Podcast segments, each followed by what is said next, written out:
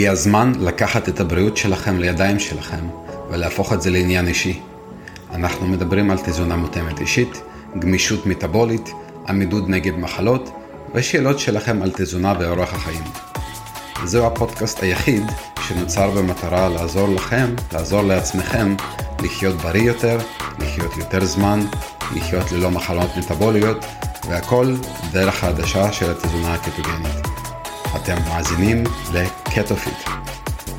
התוכן של הפודקאסט הזה מיועד למטרות חינוך ובידור בלבד. אין לראות בפודקאסט הזה שום ייעוץ רפואי. אנא התייעצו עם המטפל המורשה ברפואה פונקציונלית לפני כל שינוי בריאותי או תזונתי. לפעמים אנחנו מתרגשים, נסחפים ויכולים להשתמש מדי פעם בלשון חדק. אם השפה הלא ספרותית היא לא הקטע שלכם, טוב, תמיד יש את ערוץ ילדים וגם דיסני פלאס. אז בואו נתחיל. שלום, שלום, שלום. אה, ו...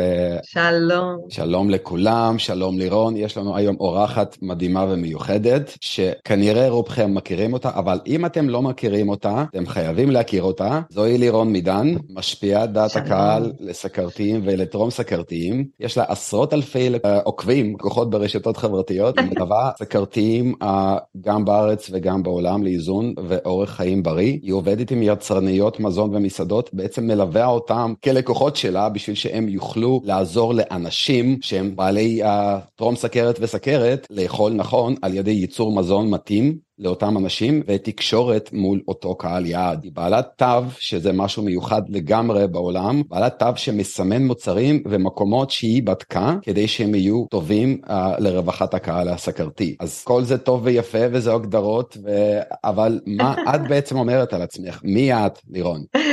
אז שלום ג'וליאן ותודה רבה שהזמנת אותי אליך לפה.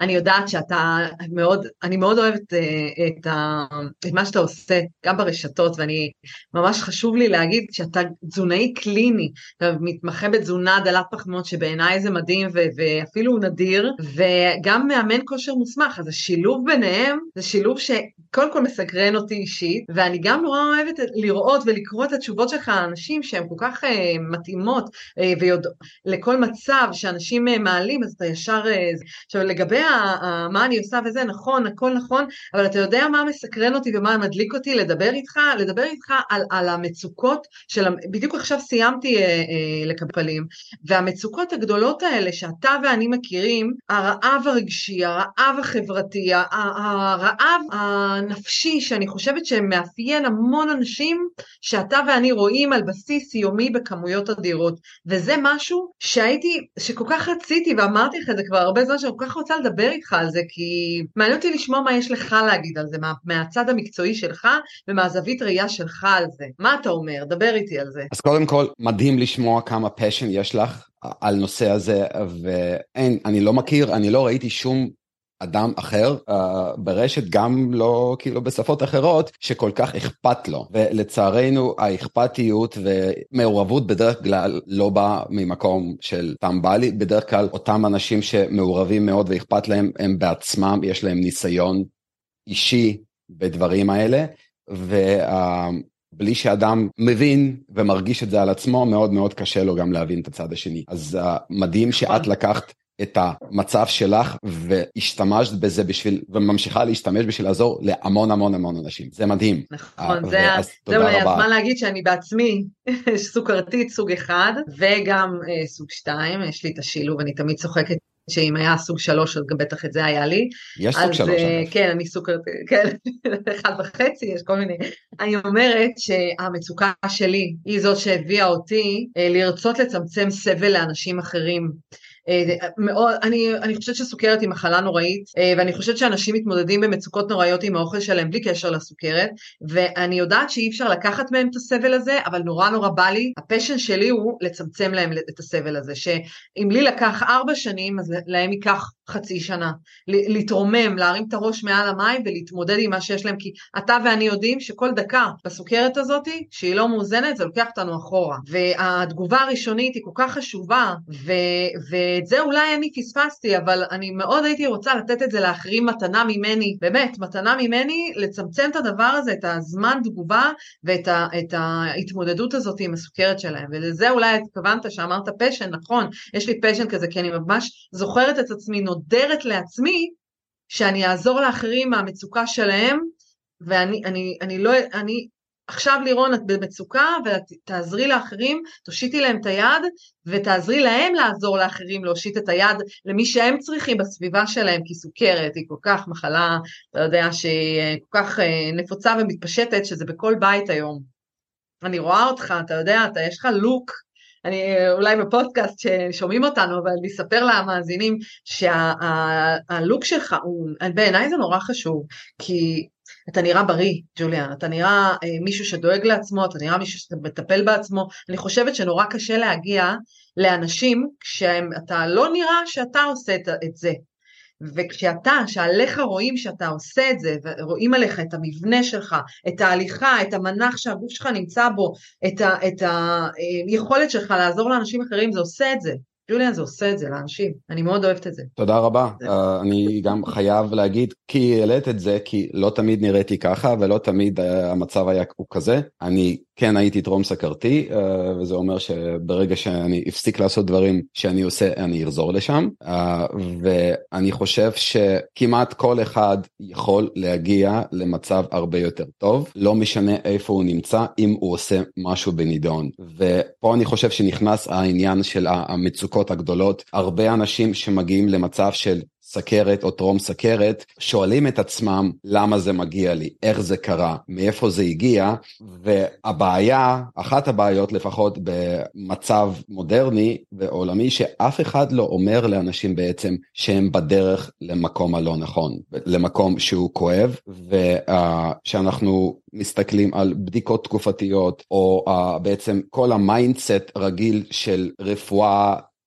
מודרנית שהיא לא פונקציונלית ו mindset uh, שמגיע מתרבות. אנשים לא מסתכלים על המגמות שלהם מבחינת בריאות ואנשים לפעמים בכלל לא נבדקים ולא יודעים עד שפתאום הם עושים בדיקה וכבר מאוחר מדי. ואני חושב שצריך לדבר על זה הרבה כי כן יש מצבים שסכרת סוג אחד אין מה לעשות זה מה שקורה כן? uh, ברוב המצבים לא לא היה ניתן למנוע את הדברים האלה. סכרת סוג 2, אפשר למנוע אותה כנראה ברוב המקרים, ואנשים פשוט אין להם מודעות, אין להם כלים, אף אחד לא אומר להם, לא לומדים את זה בבית ספר, לא לומדים את זה באוניברסיטה, לא מדברים על זה בשום מקום, אלא אם כן אדם הוא מין מוזר כזה וקורא על בריאות ומתעניין, ואחרי זה זה פתאום הופך אותו לאדם שכן קורא וכן מתעניין, ולפעמים הוא הולך לכיוונים הלא טובים עם הדבר הזה. כי ממה שאני רואה, ו- ושוב, זה גם סוג של מצוקה, שאנשים שפתאום מקבלים את המילים האלה מהרופא, הדברים, דבר הנורא מפחיד הזה, יש לך או לך סכרת, הם נכנסים לפאניקה והם הרבה פעמים נופלים למקומות הלא טובים, הם משתתפים בכל מיני קבוצות שאומרות להם דברים לא קשורים, הם משתתפים ב... סליחה, משתמשים בגוגל כרופא והם מנסים לפתור דברים בעצמם, ואדם תמיד הולך על דרך הפשוטה יותר, הקלה יותר, uh, כל עוד אין לו הבנה של מה קורה, והרבה פעמים אנשים פשוט פוגעים בעצמם בניסיון לפתור את הדבר הזה. אז אני רוצה, אני, אני, סליחה שאני ככה, זה, אתה פשוט אומר כל כך הרבה, נוגע בנקודות כל כך חמות אה, ונכונות, שממש בא לי לשמוע אותך מרחיב על הדברים האלה.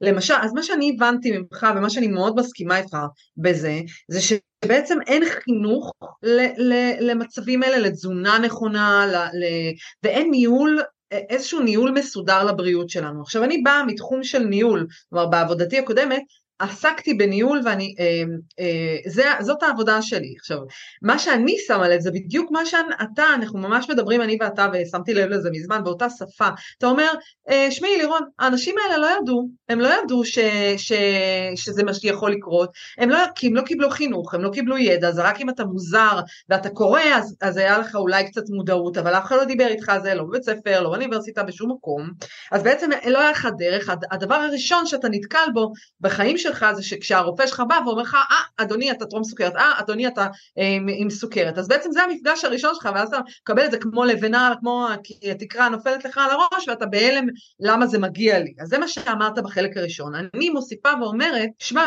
כמו שאנחנו יודעים לנהל את חשבון הבנק שלנו, את המשפחה שלנו, את הארוחת ערב לילדים וללכת, אנחנו יודעים לנהל סדר יום, אנחנו לא יודעים לנהל את הבריאות שלנו. וזה משפט מאוד מאוד uh, מעניין, חשוב וגם תרבותי. בעצם למה? למה אנחנו לא לומדים לנהל? אין איזושהי הכשרה, או אנשים, גם אנשים שעוסקים בניהול, בסופו של דבר יודעים לעסוק בניהול חיצוני, הצוות, ניהול אה, תחום, אבל לא את עצמם, זאת אומרת הזמן שלנו זה אחד האתגרים הגדולים מאוד אה, בתחום הניהול, זה ניהול זמן.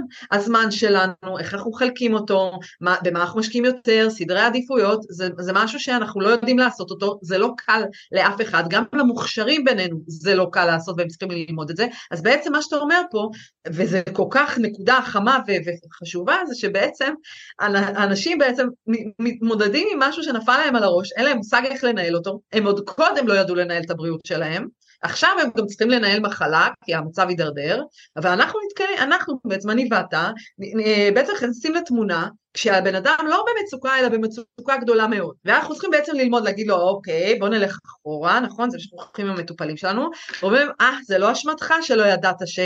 בלחם יש הרבה פחמימות למרות שהוא מתוק ויש הרבה סוכר, לא ידעת, מה לעשות ש, שסוכרת, אני בתחילת הסוכרת שלי, אני נטורופטית, ג'וליה, למדתי שנים נטורופתיה לפני כן, וכשאני קיבלתי את הסוכרת שלי אמרתי לעצמי, את הדבר הכי לא נכון להגיד זה, אה, ah, טוב, אז אני אעבור לסוכרים בריאים, ולא הבנתי ש...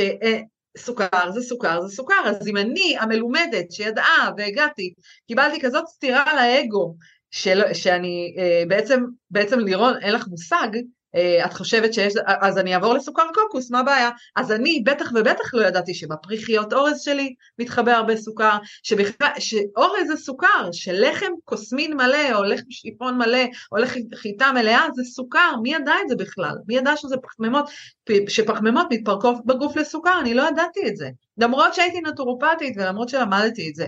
זה על בשרי, למדתי כשראיתי את הסוכר עולה ל-500, אז הבנתי את זה, זה, זה חתיכת משבר לעבור, אני עברתי את זה בדרמה מאוד גדולה, אבל אנשים עוברים את זה, מגיעים לרופא, הרופא אומר להם, אה, גברת, יש לך 140 סוכר בצום בבוקר, את אה, סוכרתית, מקבלים חתיכת סטירה, למה זה מגיע לי, למה זה קרה לי, מה לא ידעתי, וככה אנחנו מוצאים אותם בהלם, וזה בדיוק כל המטופלים שעברתי עד עכשיו, מהבוקר אני יושבת פה בישראל אה, ערב עכשיו, מהבוקר אני יושבת עם מטופלים שמתמודדים עם רגש, אני חושבת שמשהו זהו משהו שאני מאוד מאוד רוצה לשמוע דעתך, אני חושבת שאחד מהאתגרים הגדולים של האנשים שאנחנו עוזרים להם, זה החסימה הגדולה הזאת של הרגש, כל מה שתיארת פה. עכשיו, שמסעיר אותה מאוד, אומר, מה, למה קיבלתי את זה, מה קרה, איך לא ידעתי שנים, איך לא ידעתי לנהל, הסתירה הזאת שקמנו מהשינה העמוקה הזו, ובעצם אה, מתעוררים לאיזשהו, אה, אה, מהבועה שחיינו בשנים, ואנחנו בעצם, אני ואתה, יושבים מולם, וצריכים להגיד להם, זה לא אשמתך, לא ידעת, לא, זה, לא אמרת, אבל הנה עכשיו אנחנו מתמודדים, חוזרים אחורה, מתחילים ללמד את הבסיס, ואנחנו נתקלים, אני ואתה, במה אנחנו נתקלים? ברגשות, ברגשות חזקים מאוד, שמפריעים לאנשים האלה להגיב לנו, ולהתמודד עם המצב שלהם. בוא תספר לי, מה אתה, מה אתה, איך זה מתבטא אצלך, האנשים שאתה פוגש?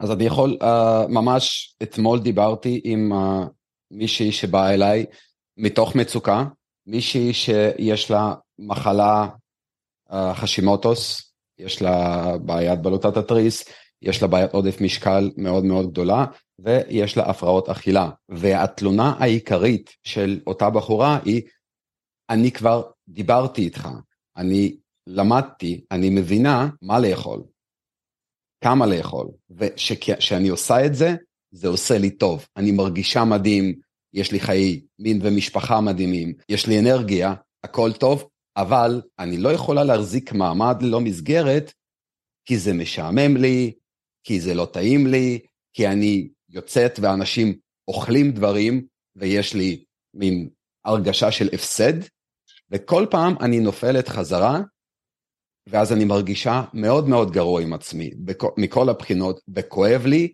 ובדיקות דם שלי זוועתיות, ואני לא יכולה לעצור בלי שמישהו יחזיק אותי ביד. ואני חושב שזה המצב... מה אמרת לה על זה? כשהיא אמרה לך את זה? ואני העליתי משהו שהוא מאוד מאוד דומה למה שאת אמרת. הרי אנחנו מתייחסים לאוכל כמשהו שהוא טוב ומותר, ומשהו עם קונוטציה חיובית בעליל. ככה גדלנו, ככה זה תרבותי, כל החיים אומרים לנו שלחם זה חיים, במיוחד מי שמגיע ממקום סובייטי, כן, מי שהגיע מברית המועצות, בחדר אוכל בבית ספר היה לנו שלט ענק, לחם זה חיים, ומי שהיה זורק לחם היה נענש, כן, מי ש... או, או משאיר לחם בצלחת. כל החיים אמרו לנו שדגנים זה בריא וטוב וחובה. כל החיים אמרו לנו שאין שום הגבלה על דברים מסוימים, כן? ופירות ו- וכל הדברים הטובים האלה, הכל טוב. ואף אחד לא אמר לנו איך הדברים האלה עובדים בגוף, מה זה עושה לנו, איך זה משפיע מבחינה מנטלית.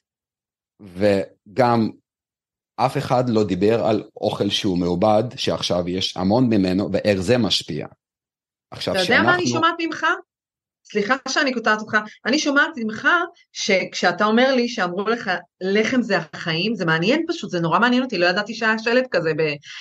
אני אומרת, בעצם מה הם עשו? הם לא דיברו איתך על עובדות, הם לא אמרו לך לחם זה, יש בו א', ב', ג', אה, אה, הם בעצם איבדו לך את, ה, אה, את, את הדעה והכילו אותך בגישה שלך אמור להיות, שהם חושבים שאמורה להיות לך. זה היה החינוך, לקחת את ה... לא, לא ללמד עובדות, בעצם מה שאתה אומר פה, לחם זה החיים, זה בעצם החליטו לך איך להתייחס ללחם, במקום ללמד אותך עובדות.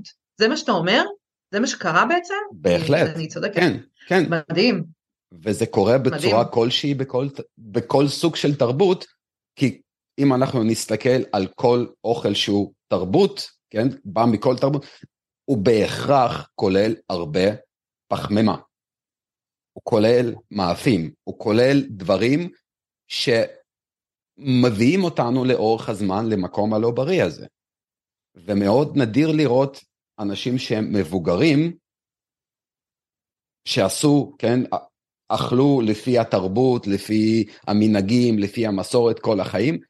אנחנו כמעט ולא רואים בן אדם בגיל 70 שהוא נמצא במקום בריא, שהוא uh, פעיל פיזית, שהוא יכול לטפל בעצמו מכל הבחינות, אנחנו כמעט ולא רואים את זה, ואנחנו עדיין ממשיכים ללכת עם הכיוון הזה, ואנחנו תמיד אומרים, רגע, אבל הנה סבתא שלי חיה עד גיל 90,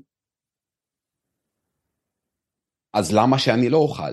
וזה שסבתא העבירה את ה-20 שנה האחרונות במחלות ובתי חולים, אף אחד לא מסתכל על זה.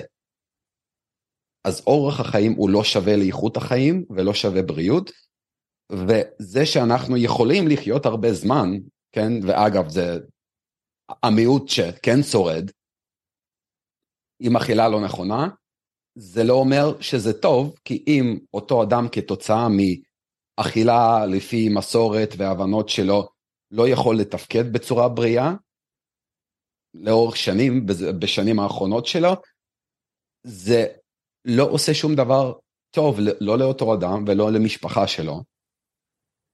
ולדעתי גם עדיף לחיות ארבע שנים פחות, אבל את כל החיים לחיות בצורה איכותית וטובה.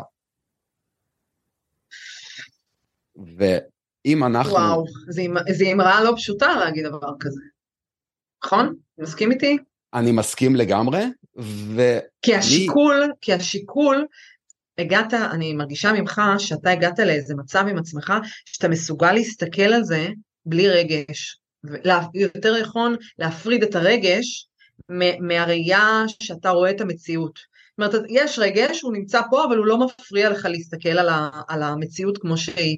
וכשאתה אומר משפט כזה, אני מעדיף לחיות ארבע שנים פחות, אבל לחיות אותם באיכות, זה אה, משפט מתקדם של, של מישהו שמבין מה המשמעות, או לוקח בחשבון את זה שאפשר לחיות ב, ב, ב, באיכות חיים לא טובה. עכשיו תשמע, פה בישראל, בבתי חולים, כל המחלקות הפנימיות, אף אחד לא אומר את זה, אף אחד לא מדבר על זה ואף אחד לא אומר את זה, אבל כל המחלקות הפנימיות פה בבתי חולים, מה זה פנימית א', ב', ג', ד', יש לי אה, י"ז, אה, פנימית י"ז, כל המחלקות הפנימיות זה סוכרתיים, קטועי רגליים, קטועי אצבעות, קטועי זה, כל הסיבוכי סוכרת, סיבוכי סיבוכי הסיבוכים, כליות, דיאליזות ועניינים. אז, אז זה כשאתה מדבר על איכות חיים, או ארבע שנים פחות, כי אני פשוט אומרת שזה יכול אולי לזעזע מישהו, אני, אני חושבת על עצמי של פעם, לשמוע משפט כזה, היה אולי אה, מזעזע אותי, כי, כי, כי יש המון רגש בזה, חיים הרי זה תשוקה, זה, ולהגיד להגיד, אני, אני מעדיפה לחיות ארבע שנים פחות, אבל, אבל יש בזה משהו שאנחנו בעצם, אה, אה, משהו שמלווה את כל הסוכרת הזאת, ואתה ברור שמבין אותי נורא, כי אתה בעצמך גם עברת את זה, זה בעצם איזושהי אה, התמודדות עם... עם משהו שלא היה בא לנו להתמודד איתו קודם. לא היה בא לנו להתמודד עם מוות, לא היה בא לנו להתמודד עם חולי. לא היה בא לנו, ואנחנו לא רוצים את זה, ואנחנו גם לא מקשרים כל כך אוכל לכל הדבר הזה. האוכל של סבתא, הוא הסיבה שסבא קטעו לו את האצבעות ברגליים, אתה מבין? זה, זה נורא קשה לתפוס את זה. רגשית, אתה לא, אומר, זה לא המאכל העדות.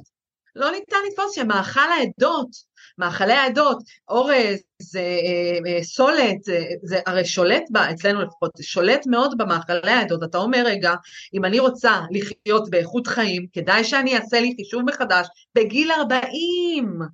זה גיל מאוחר, זה גיל מאוחר לעשות חישוב מחדש לאוכל. אנחנו נפגשים עם האנשים האלה בגיל 40, 50, 60, בסדר, היום הסוכרת אה, לקחה עוד, אה, עוד מקדימה, אבל זה הגילאים של האנשים שבעצם צריכים לעשות שינוי. אתה, אתה אומר לעצמך, וואלה, באיזה מקום אתה לוקח, אה, היום הייתה לי אישה בת 60, צריכה לעשות שינוי שכל החיים שלה, היא אומרת לי, לירון, אוי, האוכל זה אויב. ככה גדלתי, אוכל זה אויב. איך אתה לוקח בן אדם כזה, שחי, אמר, אמרתי לה, תשמעי, אני, אני באמת, אני, זה שנים של אה, אה, מחשבה, שאתה לא יכול לעקור אותה. ג'וליאן, אתה לא יכול לעקור מהבן אדם מחשבה שהאוכל הוא אויב. איך אתה עוזר לבן אדם כזה להשלים עם האוכל, לחבק את האוכל, להגיד האוכל זה בשבילי, בשביל הבריאות שלי, ולאכול את האוכל המתאים לי, כי זה תהליך שפתאום בן אדם צריך לעשות בגיל 60-70. מה, מה, זה, מה זה המכה הזאת? אנחנו, יש לנו אתגר מאוד גדול, אני ואתה בדבר הזה, להעלות למודעות את הדבר הזה, זה, זה אחת, באמת אחת הסיבות העיקריות לפעילויות שלי, שאני אגב עושה המון בהתנדבות והמון בחינמים ובכל מיני מקומות שאני רואה לנכון שפשוט זה ייתן אה, ויצבור איזושהי תעודה אה, ציבורית, וסוף סוף לדבר על הדבר הזה, שאנשים קצת יתעוררו, הם חושבים כל הזמן שהסוכרת זה בבית של השכן ממול, וזה לא יגיע אליי. ממש לא, זה כאן, זה בכל בית, ואנשים כבר בני 30 מתחילים אה, עם התנגודות לאינסולין האלה. ילדים היום אה, בעודף משקל, לא יודעת איך זה בארצות הברית, אבל אני יכולה להגיד לך שפה בישראל אתה כבר רואה ילדים שמנים, זה, הנה המכשיר שלי מצפצף, בבקשה, זה אחלה, אחלה דבר להראות, הנה יש לי מכשיר שמצפצף לי ב... של הסוכר, שהוא מצפצף כל פעם שהסוכר עולה, עכשיו אני, אה, הסוכר שלי סתם כן, הנה, עלה לי ל-149, ועכשיו מה שאני אעשה זה יזריק אינסולין בשידור. עכשיו אתה תגיד מה, מה אתה חושב על מה שאמרתי, כי אותי זה מאוד מסקרן. אני חושב שהדברים האלה הם כל כך חשובים לדבר עליהם, ואלה דברים שהם פוגעים מאוד קרוב לבית, ואנחנו לא נדע מזה. ושימו לב, לירון עושה את זה בשידור חי. ואגב, נכון. הרבה אנשים מתביישים בסכרת שלהם. מאוד. זה משהו שהוא נורמלי לגמרי לצערנו, וטיפול עצמי ודאגה לעצמנו היא לא צריכה להיות משהו שאנחנו מתביישים ומתחבאים ממנו, אוקיי? ואני מדי פעם לובש מעט סוכר, ואנשים באים אליי, מדהים. ושואלים מה הסיפור שלך, איך הגעת לכאן, וזה מאוד מחבר, ואז אל תתחבאו, אוקיי? זה, הדבר הזה הוא לא מבייש בשום צורה. זה לא מגדיר אתכם, זה לא uh, אומר שום דבר רע או מקטין אף אחד. התביישת פעם, ג'וליאן? התביישת פעם בסוכרת שלך? קרה לך? או שזה משהו לא התביישתי. שאתה החלטת מההתחלה? אף פעם לא? לא, איכשהו לא היה לי זמן לזה. כן, רופא אמר לי, כן, יש לך חמש-שש שנים לפני שיש לך שבץ או התקף לב. ויום אחרי זה, אני שיניתי את כל החיים שלי. עכשיו, עד אז אמרו לי, יש לך כולסטרול גבוה, יש לך סוכר גבוה, יש לך, יש לך, יש לך, אבל לא אמרו לי את זה כנראה בצורה ברוט, ברוטלית מספיק כנראה. כי אמרו לי, אז יש לך גבוה, ההורים שלך בחיים, כן, יש להם כולסטרול גבוה, כי הם עדיין בחיים, הכל בסדר. כן, זה שיש לי של, שלושה סבים בתוך ארבעה מתו מסכרת, על זה לא שאלו, כן? ופה הוא אמר לי, ממש חד וחלק, איך שאתה אוכל, איך שאתה נראה, מה שיש לך בבדיקות דם, זה יהרוג אותך, וילדים שלך לא יהיה להם אבא. עכשיו, עליי זה השפיע, על מישהו אחר זה לא ישפיע. ואנשים נכון, ממשיכים לעשות את הדברים האלה. אבל אני רציתי ממש ללכת לכיוון של מה שאמרת, של ילדים שיש להם עודף משקל, זה שאנחנו מסתכלים, צריכים להסתכל על דברים בגיל 40-50, כי זה גם יכול להיות מאוחר מדי.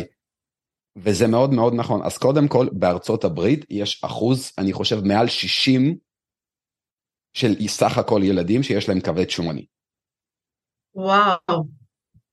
עכשיו, כבד שומני מגיע אחרי שיש בעיית סוכר, אחרי שיש תנגודת אינסולין. ו... זאת אומרת, זה בהכרח יגיע ל... לילדים שמנים?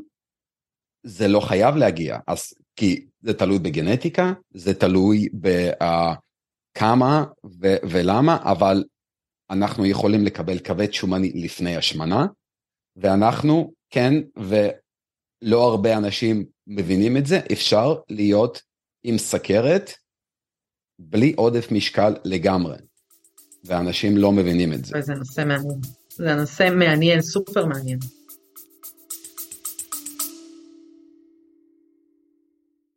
אהבתם מה ששמעתם? תנו לייק, תוסיפו למועדפים, ואני אשמח לשאלות. ועכשיו, נמשיך עם הפודקאסט.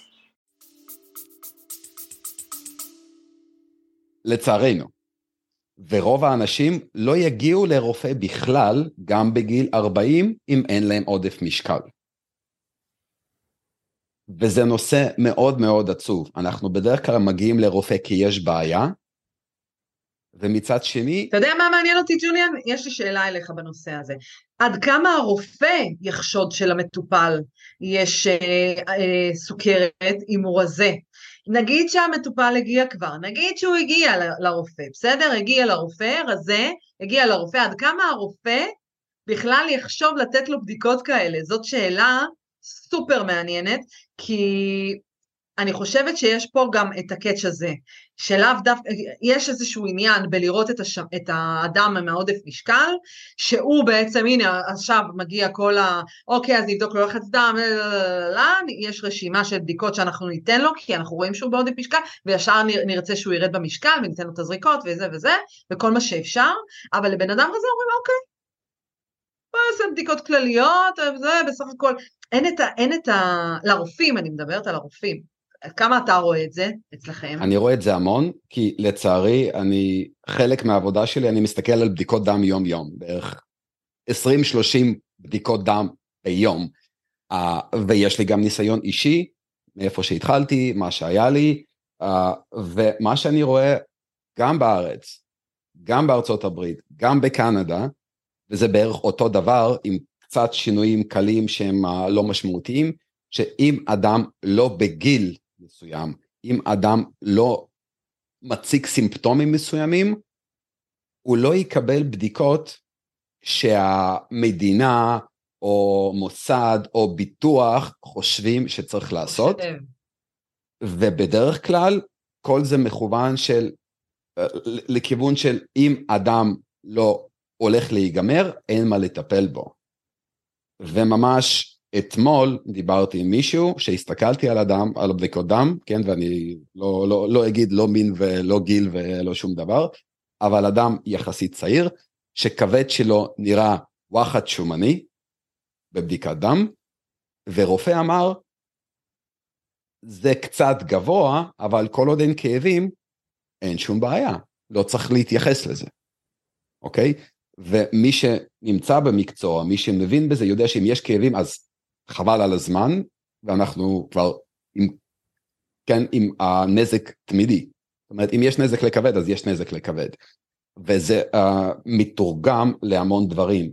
אז מבחינת גיל, מה שקורה, לפחות פה בארצות הברית, ואני כבר הבנתי, כי גם שאלתי את הורים שלי, יש לי כולסטרול גבוה, היה לי כולסטרול גבוה לפחות, ו- ואני פתרתי את זה בהרבה דרכים, ואני רציתי לעשות בדיקות דם לבנות שלי, יש לי שתי בנות, uh, ונראות מדהים, לא עודף משקל, ספורטאיות, כן, uh, הכל טוב, וכשבאתי לרופאה שלהם, ואמרתי, אני רוצה להריץ להם בדיקות דם, כי הגיל והכל, היא אמרה לי, למה? לא צריך לעשות בדיקות דם לילדים. כן, עשינו להם בגיל 4, מתי שהיה צריך, לא צריך לעשות. ואז אמרתי, אני רוצה בכל מקרה, ואז היא אמרה, אוקיי, נריץ. ואז אמרתי לה, זה מה שאני רוצה להריץ, ונתתי לה פרמטרים שאני בדרך כלל בודק לעצמי, לאשתי, ללקוחות שלי, והיא אמרה לי, אני לא מכירה את הפרמטרים. במקרה פרמטרים של כולסטרול, והיא אמרה ש-A1C לא בודקים לילדים, ו-A1C למי שלא מכיר זה מדד שבאמת יראה לכם מה קורה מבחינת גלוקוז בדם שלכם ואיפה אתם נמצאים יחסית לסכרת. אגב, גם לא תמיד, כן? כי אם זה נמצא בשליטה ועם תרופות זה יכול להגיד משהו שהוא לא נכון, אבל אדם שאוכל אוכל סטנדרטי זה מאוד מאוד יצביע על מה שקורה. אז הרופאה לא רצתה לעשות את זה. ובכוח הוצאתי ממנו בדיקות, ושקיבלנו בדיקות שתי הבנות עם כולסטרול גבוה ואחת עם סוכר גבוה. ותאמיני לי שבבית שלנו אין לנו שפע של דברים שלא כדאי לאכול. אז כן, הן אוכלות לחם מלא, uh, וכן מדי פעם הן אוכלות קרואסן פה ושם, אבל אין להם פיצות ואין להם שוקולדים כל הזמן, והם לא ניסו שום משקה מסוג קולה לעולם. אבל גנים זה גנים וזה מה יש, ואם אנחנו לא נשמרים מהדברים האלה מגיל מאוד מאוד קטן, אנחנו כן ניפגע. אז מן הסתם, ישר, אני אפילו הייתי בארץ, אשתי ישר סגרה להם ברז על כל מה שאפשר, ודיברה איתם, הושיבה איתם, והם מבינים, כי הם שומעים כל הזמן אותי מדבר עם הלקוחות שלי, ונותן הרצאות. היא סגרה להם ברז על הכל ואמרה, אנחנו משביתים הכל עד הבדיקות דם הבאות, ואם זה משתפר, אנחנו נוסיף משהו קצת. ואת זה הם מבינות. סליחה? איך הם קיבלו את זה? זה בסך אה. הכל אה, סוג של אה, שינוי באורח חיים שהן מכירות, ווואו, זה לא פשוט לילדות. בכאב והבנה. כאב והבנה. כי ברגע שיש את זה, כן, והרי גם אנחנו, הן, הן יודעות שאנחנו מורידים משהו, הן פתאום מרגישות יותר טוב, או יותר אנרגיה, או פחות עייפות ודברים כאלה, אז כשאנחנו מגדירים את זה, וגם אני עושה, מגדיר את זה ללקוחות שלי גם, זה לא לכל החיים. אם אנחנו עושים שינוי, זה בשביל לעשות שינוי, בשביל לראות תוצאות, ואז כבר אנחנו יכולים להחליט. האם אפשר לשנות את זה לכיוון כלשהו, האם זה חייב להישאר, אבל אם לא עושים שום שינוי, אז גם לא יהיה שינוי. ואנשים גם uh, חושבים שאם זה ילד, אז זה לא משנה. אבל הנזק מתחיל ברגע שאדם נולד. והוא רק מתמשך משם, אה, ואין לזה מין כפתור שאומר עכשיו הפסקתי לאכול את זה, אז הכל טוב. כי אם עשינו חור בקיר של הבית והפסקנו להרחיב אותו, החור נשאר שם. אם יש נזק כלשהו, מכני, אנחנו לא תמיד נחלים מזה. אם יש לנו נזק לעורקים, לוקח שנה לעשות נזק ולוקח 20 שנה לתקן אותו. אמ, ולכן צריך לשים לב טוב טוב למה שקורה לילדים, וצריך לבדוק אותם במיוחד אם יש היסטוריה משפחתית. אם יש למישהו במשפחה סינדרום מטאבולי, זה אומר שגם לנו וגם לילדים שלנו יש סיכוי ונטייה לדברים האלה, ומשם זה אחריות שלנו בלבד. להגיד, אני רוצה שילדים שלי יהיו בריאים, אני רוצה להיות בריא, אני רוצה להיות שם בגיל 80 בשביל הנכדים שלי, בצורה מתפקדת, ולא בצורה של מישהו שצריך לטפל בו, וזה אחריות לגמרי שלנו. ואם אנחנו משחקים קורבן ופשוט מעבירים אחריות על נסיבות, על החברה, על אירועים, על שפע אוכל, על כל דבר, על רופאים, אנחנו לא יכולים לצאת מזה מנצחים, כי בסוף 99% מהדברים שקורים לנו הם מעשה ידינו. אתה יודע, אתה אומר פה דברים מאוד מעניינים, אני אפילו רושמת לי נקודות של מילים שאתה אומר, כי הם כל כך משמעותי בעיניי, אנחנו יכולים אני ואתה לדבר לנצח עליהם. אתה מדבר על לצאת מנצחים. רוב האנשים והמנטליות, אני חושבת שזה מאוד אנושי, לאו דווקא רוצים לצאת מנצחים בגיל 80, הם רוצים ליהנות עכשיו. הם רוצים ללכת למחר לעבודה, אה, יש ארוחת אה, לא יודעת מה, גיבוש, והם רוצים לאכול עם כולם את הבורקסים, והם רוצים אה, להיות ספונטניים, ואם בא לי משהו אז בא לי עכשיו, עכשיו אני אומרת את זה ב, ב, כמשהו שלילי, אנשים תופסים את זה כמשהו שלילי, אבל אני אומרת את זה להפך, כי הם התנהגות מאוד אנושית. אתה מדבר על, על ניצחון, על איזושהי מערכה שאנחנו צריכים להראות את עצמנו בה ולהגיד, אני מול זה, צריך להתייחס לזה, לזה, לזה, רוב האנשים לא נמצאים שם. הם אומרים, אני חי, אני רוצה עכשיו, יש לי ללכת לעבודה, יש לי יעדים ומשימות, מבחינתי הגעתי ליעדים בעבודה, הגעתי למשימות, זה החי, זה ה... אני הולכת היום למסיבה, סילבסטר מחר, זה כיף, זה, זה, זה אני מרגישה היום אה, אה, עצובה. אז, אה, אז זה, זה הקשר של האוכל שלנו הוא, הוא לאו דווקא אה, במושגי ניצחון, אלא יותר במושגי אה, רגשות. אה, כיף לי עם החברות שלי מהעבודה, יצאנו, אז כיף לי, אני רוצה, אני כל שבוע עובד קשה, יש לי מטופלים כאלה, אז אני רוצה ביום חמישי לצאת לבירה, לראות את המשחק באיזה פאב ולאכול, אה, ולאכול אה, פיצה עם כולם, וזה הכיף שלי. אז, אז אין פה איזה, כשאתה, כשאנחנו מדברים כי אני גם מזדהה עם מה שאתה אומר, עם התחושת ניצחון הזאת ולהגיע לגיל 80 בלי להיות סיעודי. אז אני אומרת, אנשים בכלל חושבים על זה, אתה, אנחנו לא יכולים לדבר בשפה כזו של לצא, בוא תצא מנצח בגיל 80, כשהוא עכשיו מרגיש מצוקה. כשהוא עכשיו אומר, רגע, מבחינתי, מה שווה לי להגיע לגיל 80 מנצח, אם אני לא יכולה, לא יכולה ללכת ליהנות עם החברות שלי בפיצה ובירה באיזה פאב או לשתות, אה, אתה יודע, בירה זה אחד, אחד הבילויים החברתיים.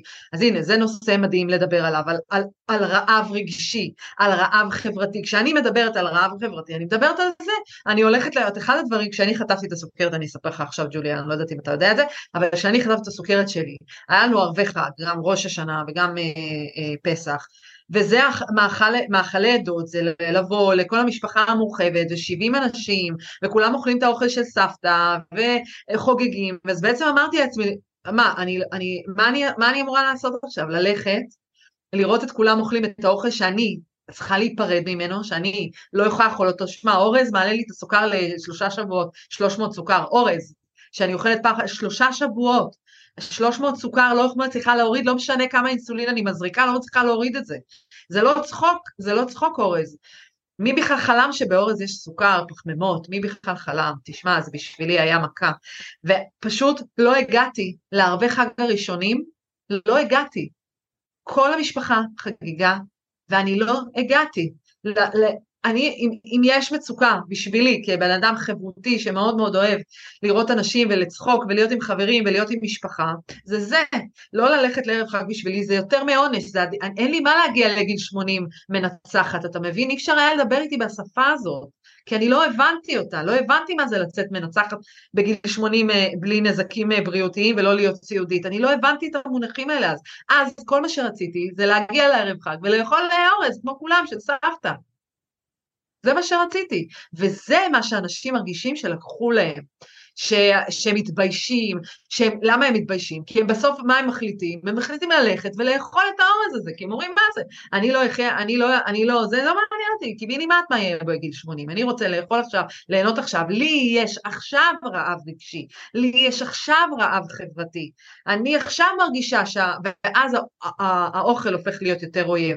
אז כשאני שומעת אותך אומר, אני רוצה להגיע מנצח לגיל 80, וזה מה שאני גם רוצה להגיד לבנות שלי, זה שלב בעיניי שהוא מאוד מאוד מתקדם בהבנה. אנחנו כתרבות, כ- כאוכלוסייה, עוד לא נמצאים שם. אנחנו רוצים ללכת לסופר, לקנות מה שיש, שיהיה לי נוח לקחת את זה בתיק לעבודה ולדחוף כשאני רעבה, שזה לא יפריע לי אה, לתפקד בעבודה את השמונה וחצי שעות ש, שיש לי במשרד. שם אנשים נמצאים. אני לא אומרת את זה כדבר שלילי, אני אומרת את זה כעובדה, זה, זה המקום. ועכשיו, איך את עושה לי את הסוכרת, הרבה מגיעים אליי ואומרים, איך את עושה לי את הסוכרת? שיהיה לי קל להתמודד, אני רוצה לחיות, אני רוצה להיות במשפחה, איך יהיה לי קל? זה בכלל לא מעניין אותם. האיזון, והם רוצים שיהיה להם קל חברתית, כשאתה אמרת קודם, הם רוצים פתרונות קלים, עליו דווקא פתרונות קלים כמו, אפשר לראות את זה ככה, אפשר לראות את זה כפתרונות קלים, נכון, תביא לי משהו שאפשר לדחוף לתיק, אפשר לדחוף לזה שאני אמשיך את היום, נכון, אבל אפשר גם לראות את זה כאנשים שבעצם מתמודדים עם המון חזיתות, גם פרנסה, גם משפחה, גם, גם, גם, ובעצם רוצים לא להיפרד מהחיים האלה, לא להיפרד מהשעות שהם משקיעים במשפחה וזה. מי כמוני יודעת כמה זמן לוקח לי ביום לנהל את הסוכרת שלי, זה לא קל, זה המון המון זמן, זה בעצם להחליט שאתה לוקח אחוז מסוים מסוים מהיום, ו- ומפנה אותו לניהול אה, בריאות. נכון? כי אתה פה מדריך אנשים, לגמרי. כמאמן כושר, אתה מדריך אנשים, איך להגדיל מסת שריר, איך לגרום במנוחה לשרוף יותר, נכון? איך, איך בעצם לאזן את הסוכרת בעודך במנוחה, אתה בעצם מדריך אותם את זה, אז בעצם אני כסוכרתית שנניח מגיעה לג'וליה, בעצם צריכה לרצות להשקיע זמן מהיום שלי בבריאות שלי, אני חושבת שאנשים עוד לא שם. השאלה העיקרית והחמה והמשמעותית היא איך מביאים את הבן אדם לרצות לנצח ולהגיע לגיל 80 לא סיעודי. איך אני מגיעה למצב שהוא מבין את זה בכלל, שהוא נמצא שם, במקום הזה שהוא צריך להחליט מה יהיה איתו בגיל 80. שאלה מצוינת, היא מאוד מאוד מורכבת וכנראה שאם נרצה לפתח אותה אנחנו נצטרך לשבת עוד שלוש שעות. uh, ואני אנסה להגיד מה אני חושב על זה בקצרה, אה, ומה שאני עושה, כאילו מה, מה שאני מלמד את המטופלים שלי, את הלקוחות שלי, אה, ושוב, זה מן הסתם לא עובד לכל אחד. אם אדם מאמין במשהו שמגביל אותו והוא רוצה להאמין בזה, עד שהוא לא יעצור ויחשוב אחרת, זה לא ישתנה. Uh, ויש משפט באנגלית שאומר, if someone is arguing for their limitation, there's nothing you can do with them. כן, כאילו, כי אנחנו תקועים, ואדם שמאמין במשהו, אמונה היא מעל הכל. ואם אדם מאמין שמה שהוא עושה זה טוב והוא צריך פשוט שינוי במקום אחר, או זה לא אמור לדרוש עבודה, או זה לא אמור לקחת מהתרבות וזמן משפחה, זה לא ישתנה. מצד שני, מאוד מאוד חשוב להבין ש-90% מזה זה לא הצורך לאכול, זה לא חוסר אנרגיה, זה לא רעב אמיתי, זה בעצם הורמונים שיש לנו בראש, זה תחושת פספוס, זה דופמין שאנחנו מקבלים, או קריסת דופמין שאנחנו מקבלים כתוצאה ממה שאנחנו אוכלים. ואני הרבה פעמים לוקח אנשים דרך תרגיל, ואני שואל אותם, אוקיי, אז מה המהות של ללכת למשל לארוחה משפחתית, או כאילו ממש, או חופשה משפחתית עם כל המשפחה, מה המהות, בשביל מה עושים את זה?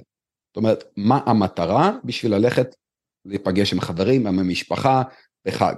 מה, מה המהות העיקרית של הדבר הזה?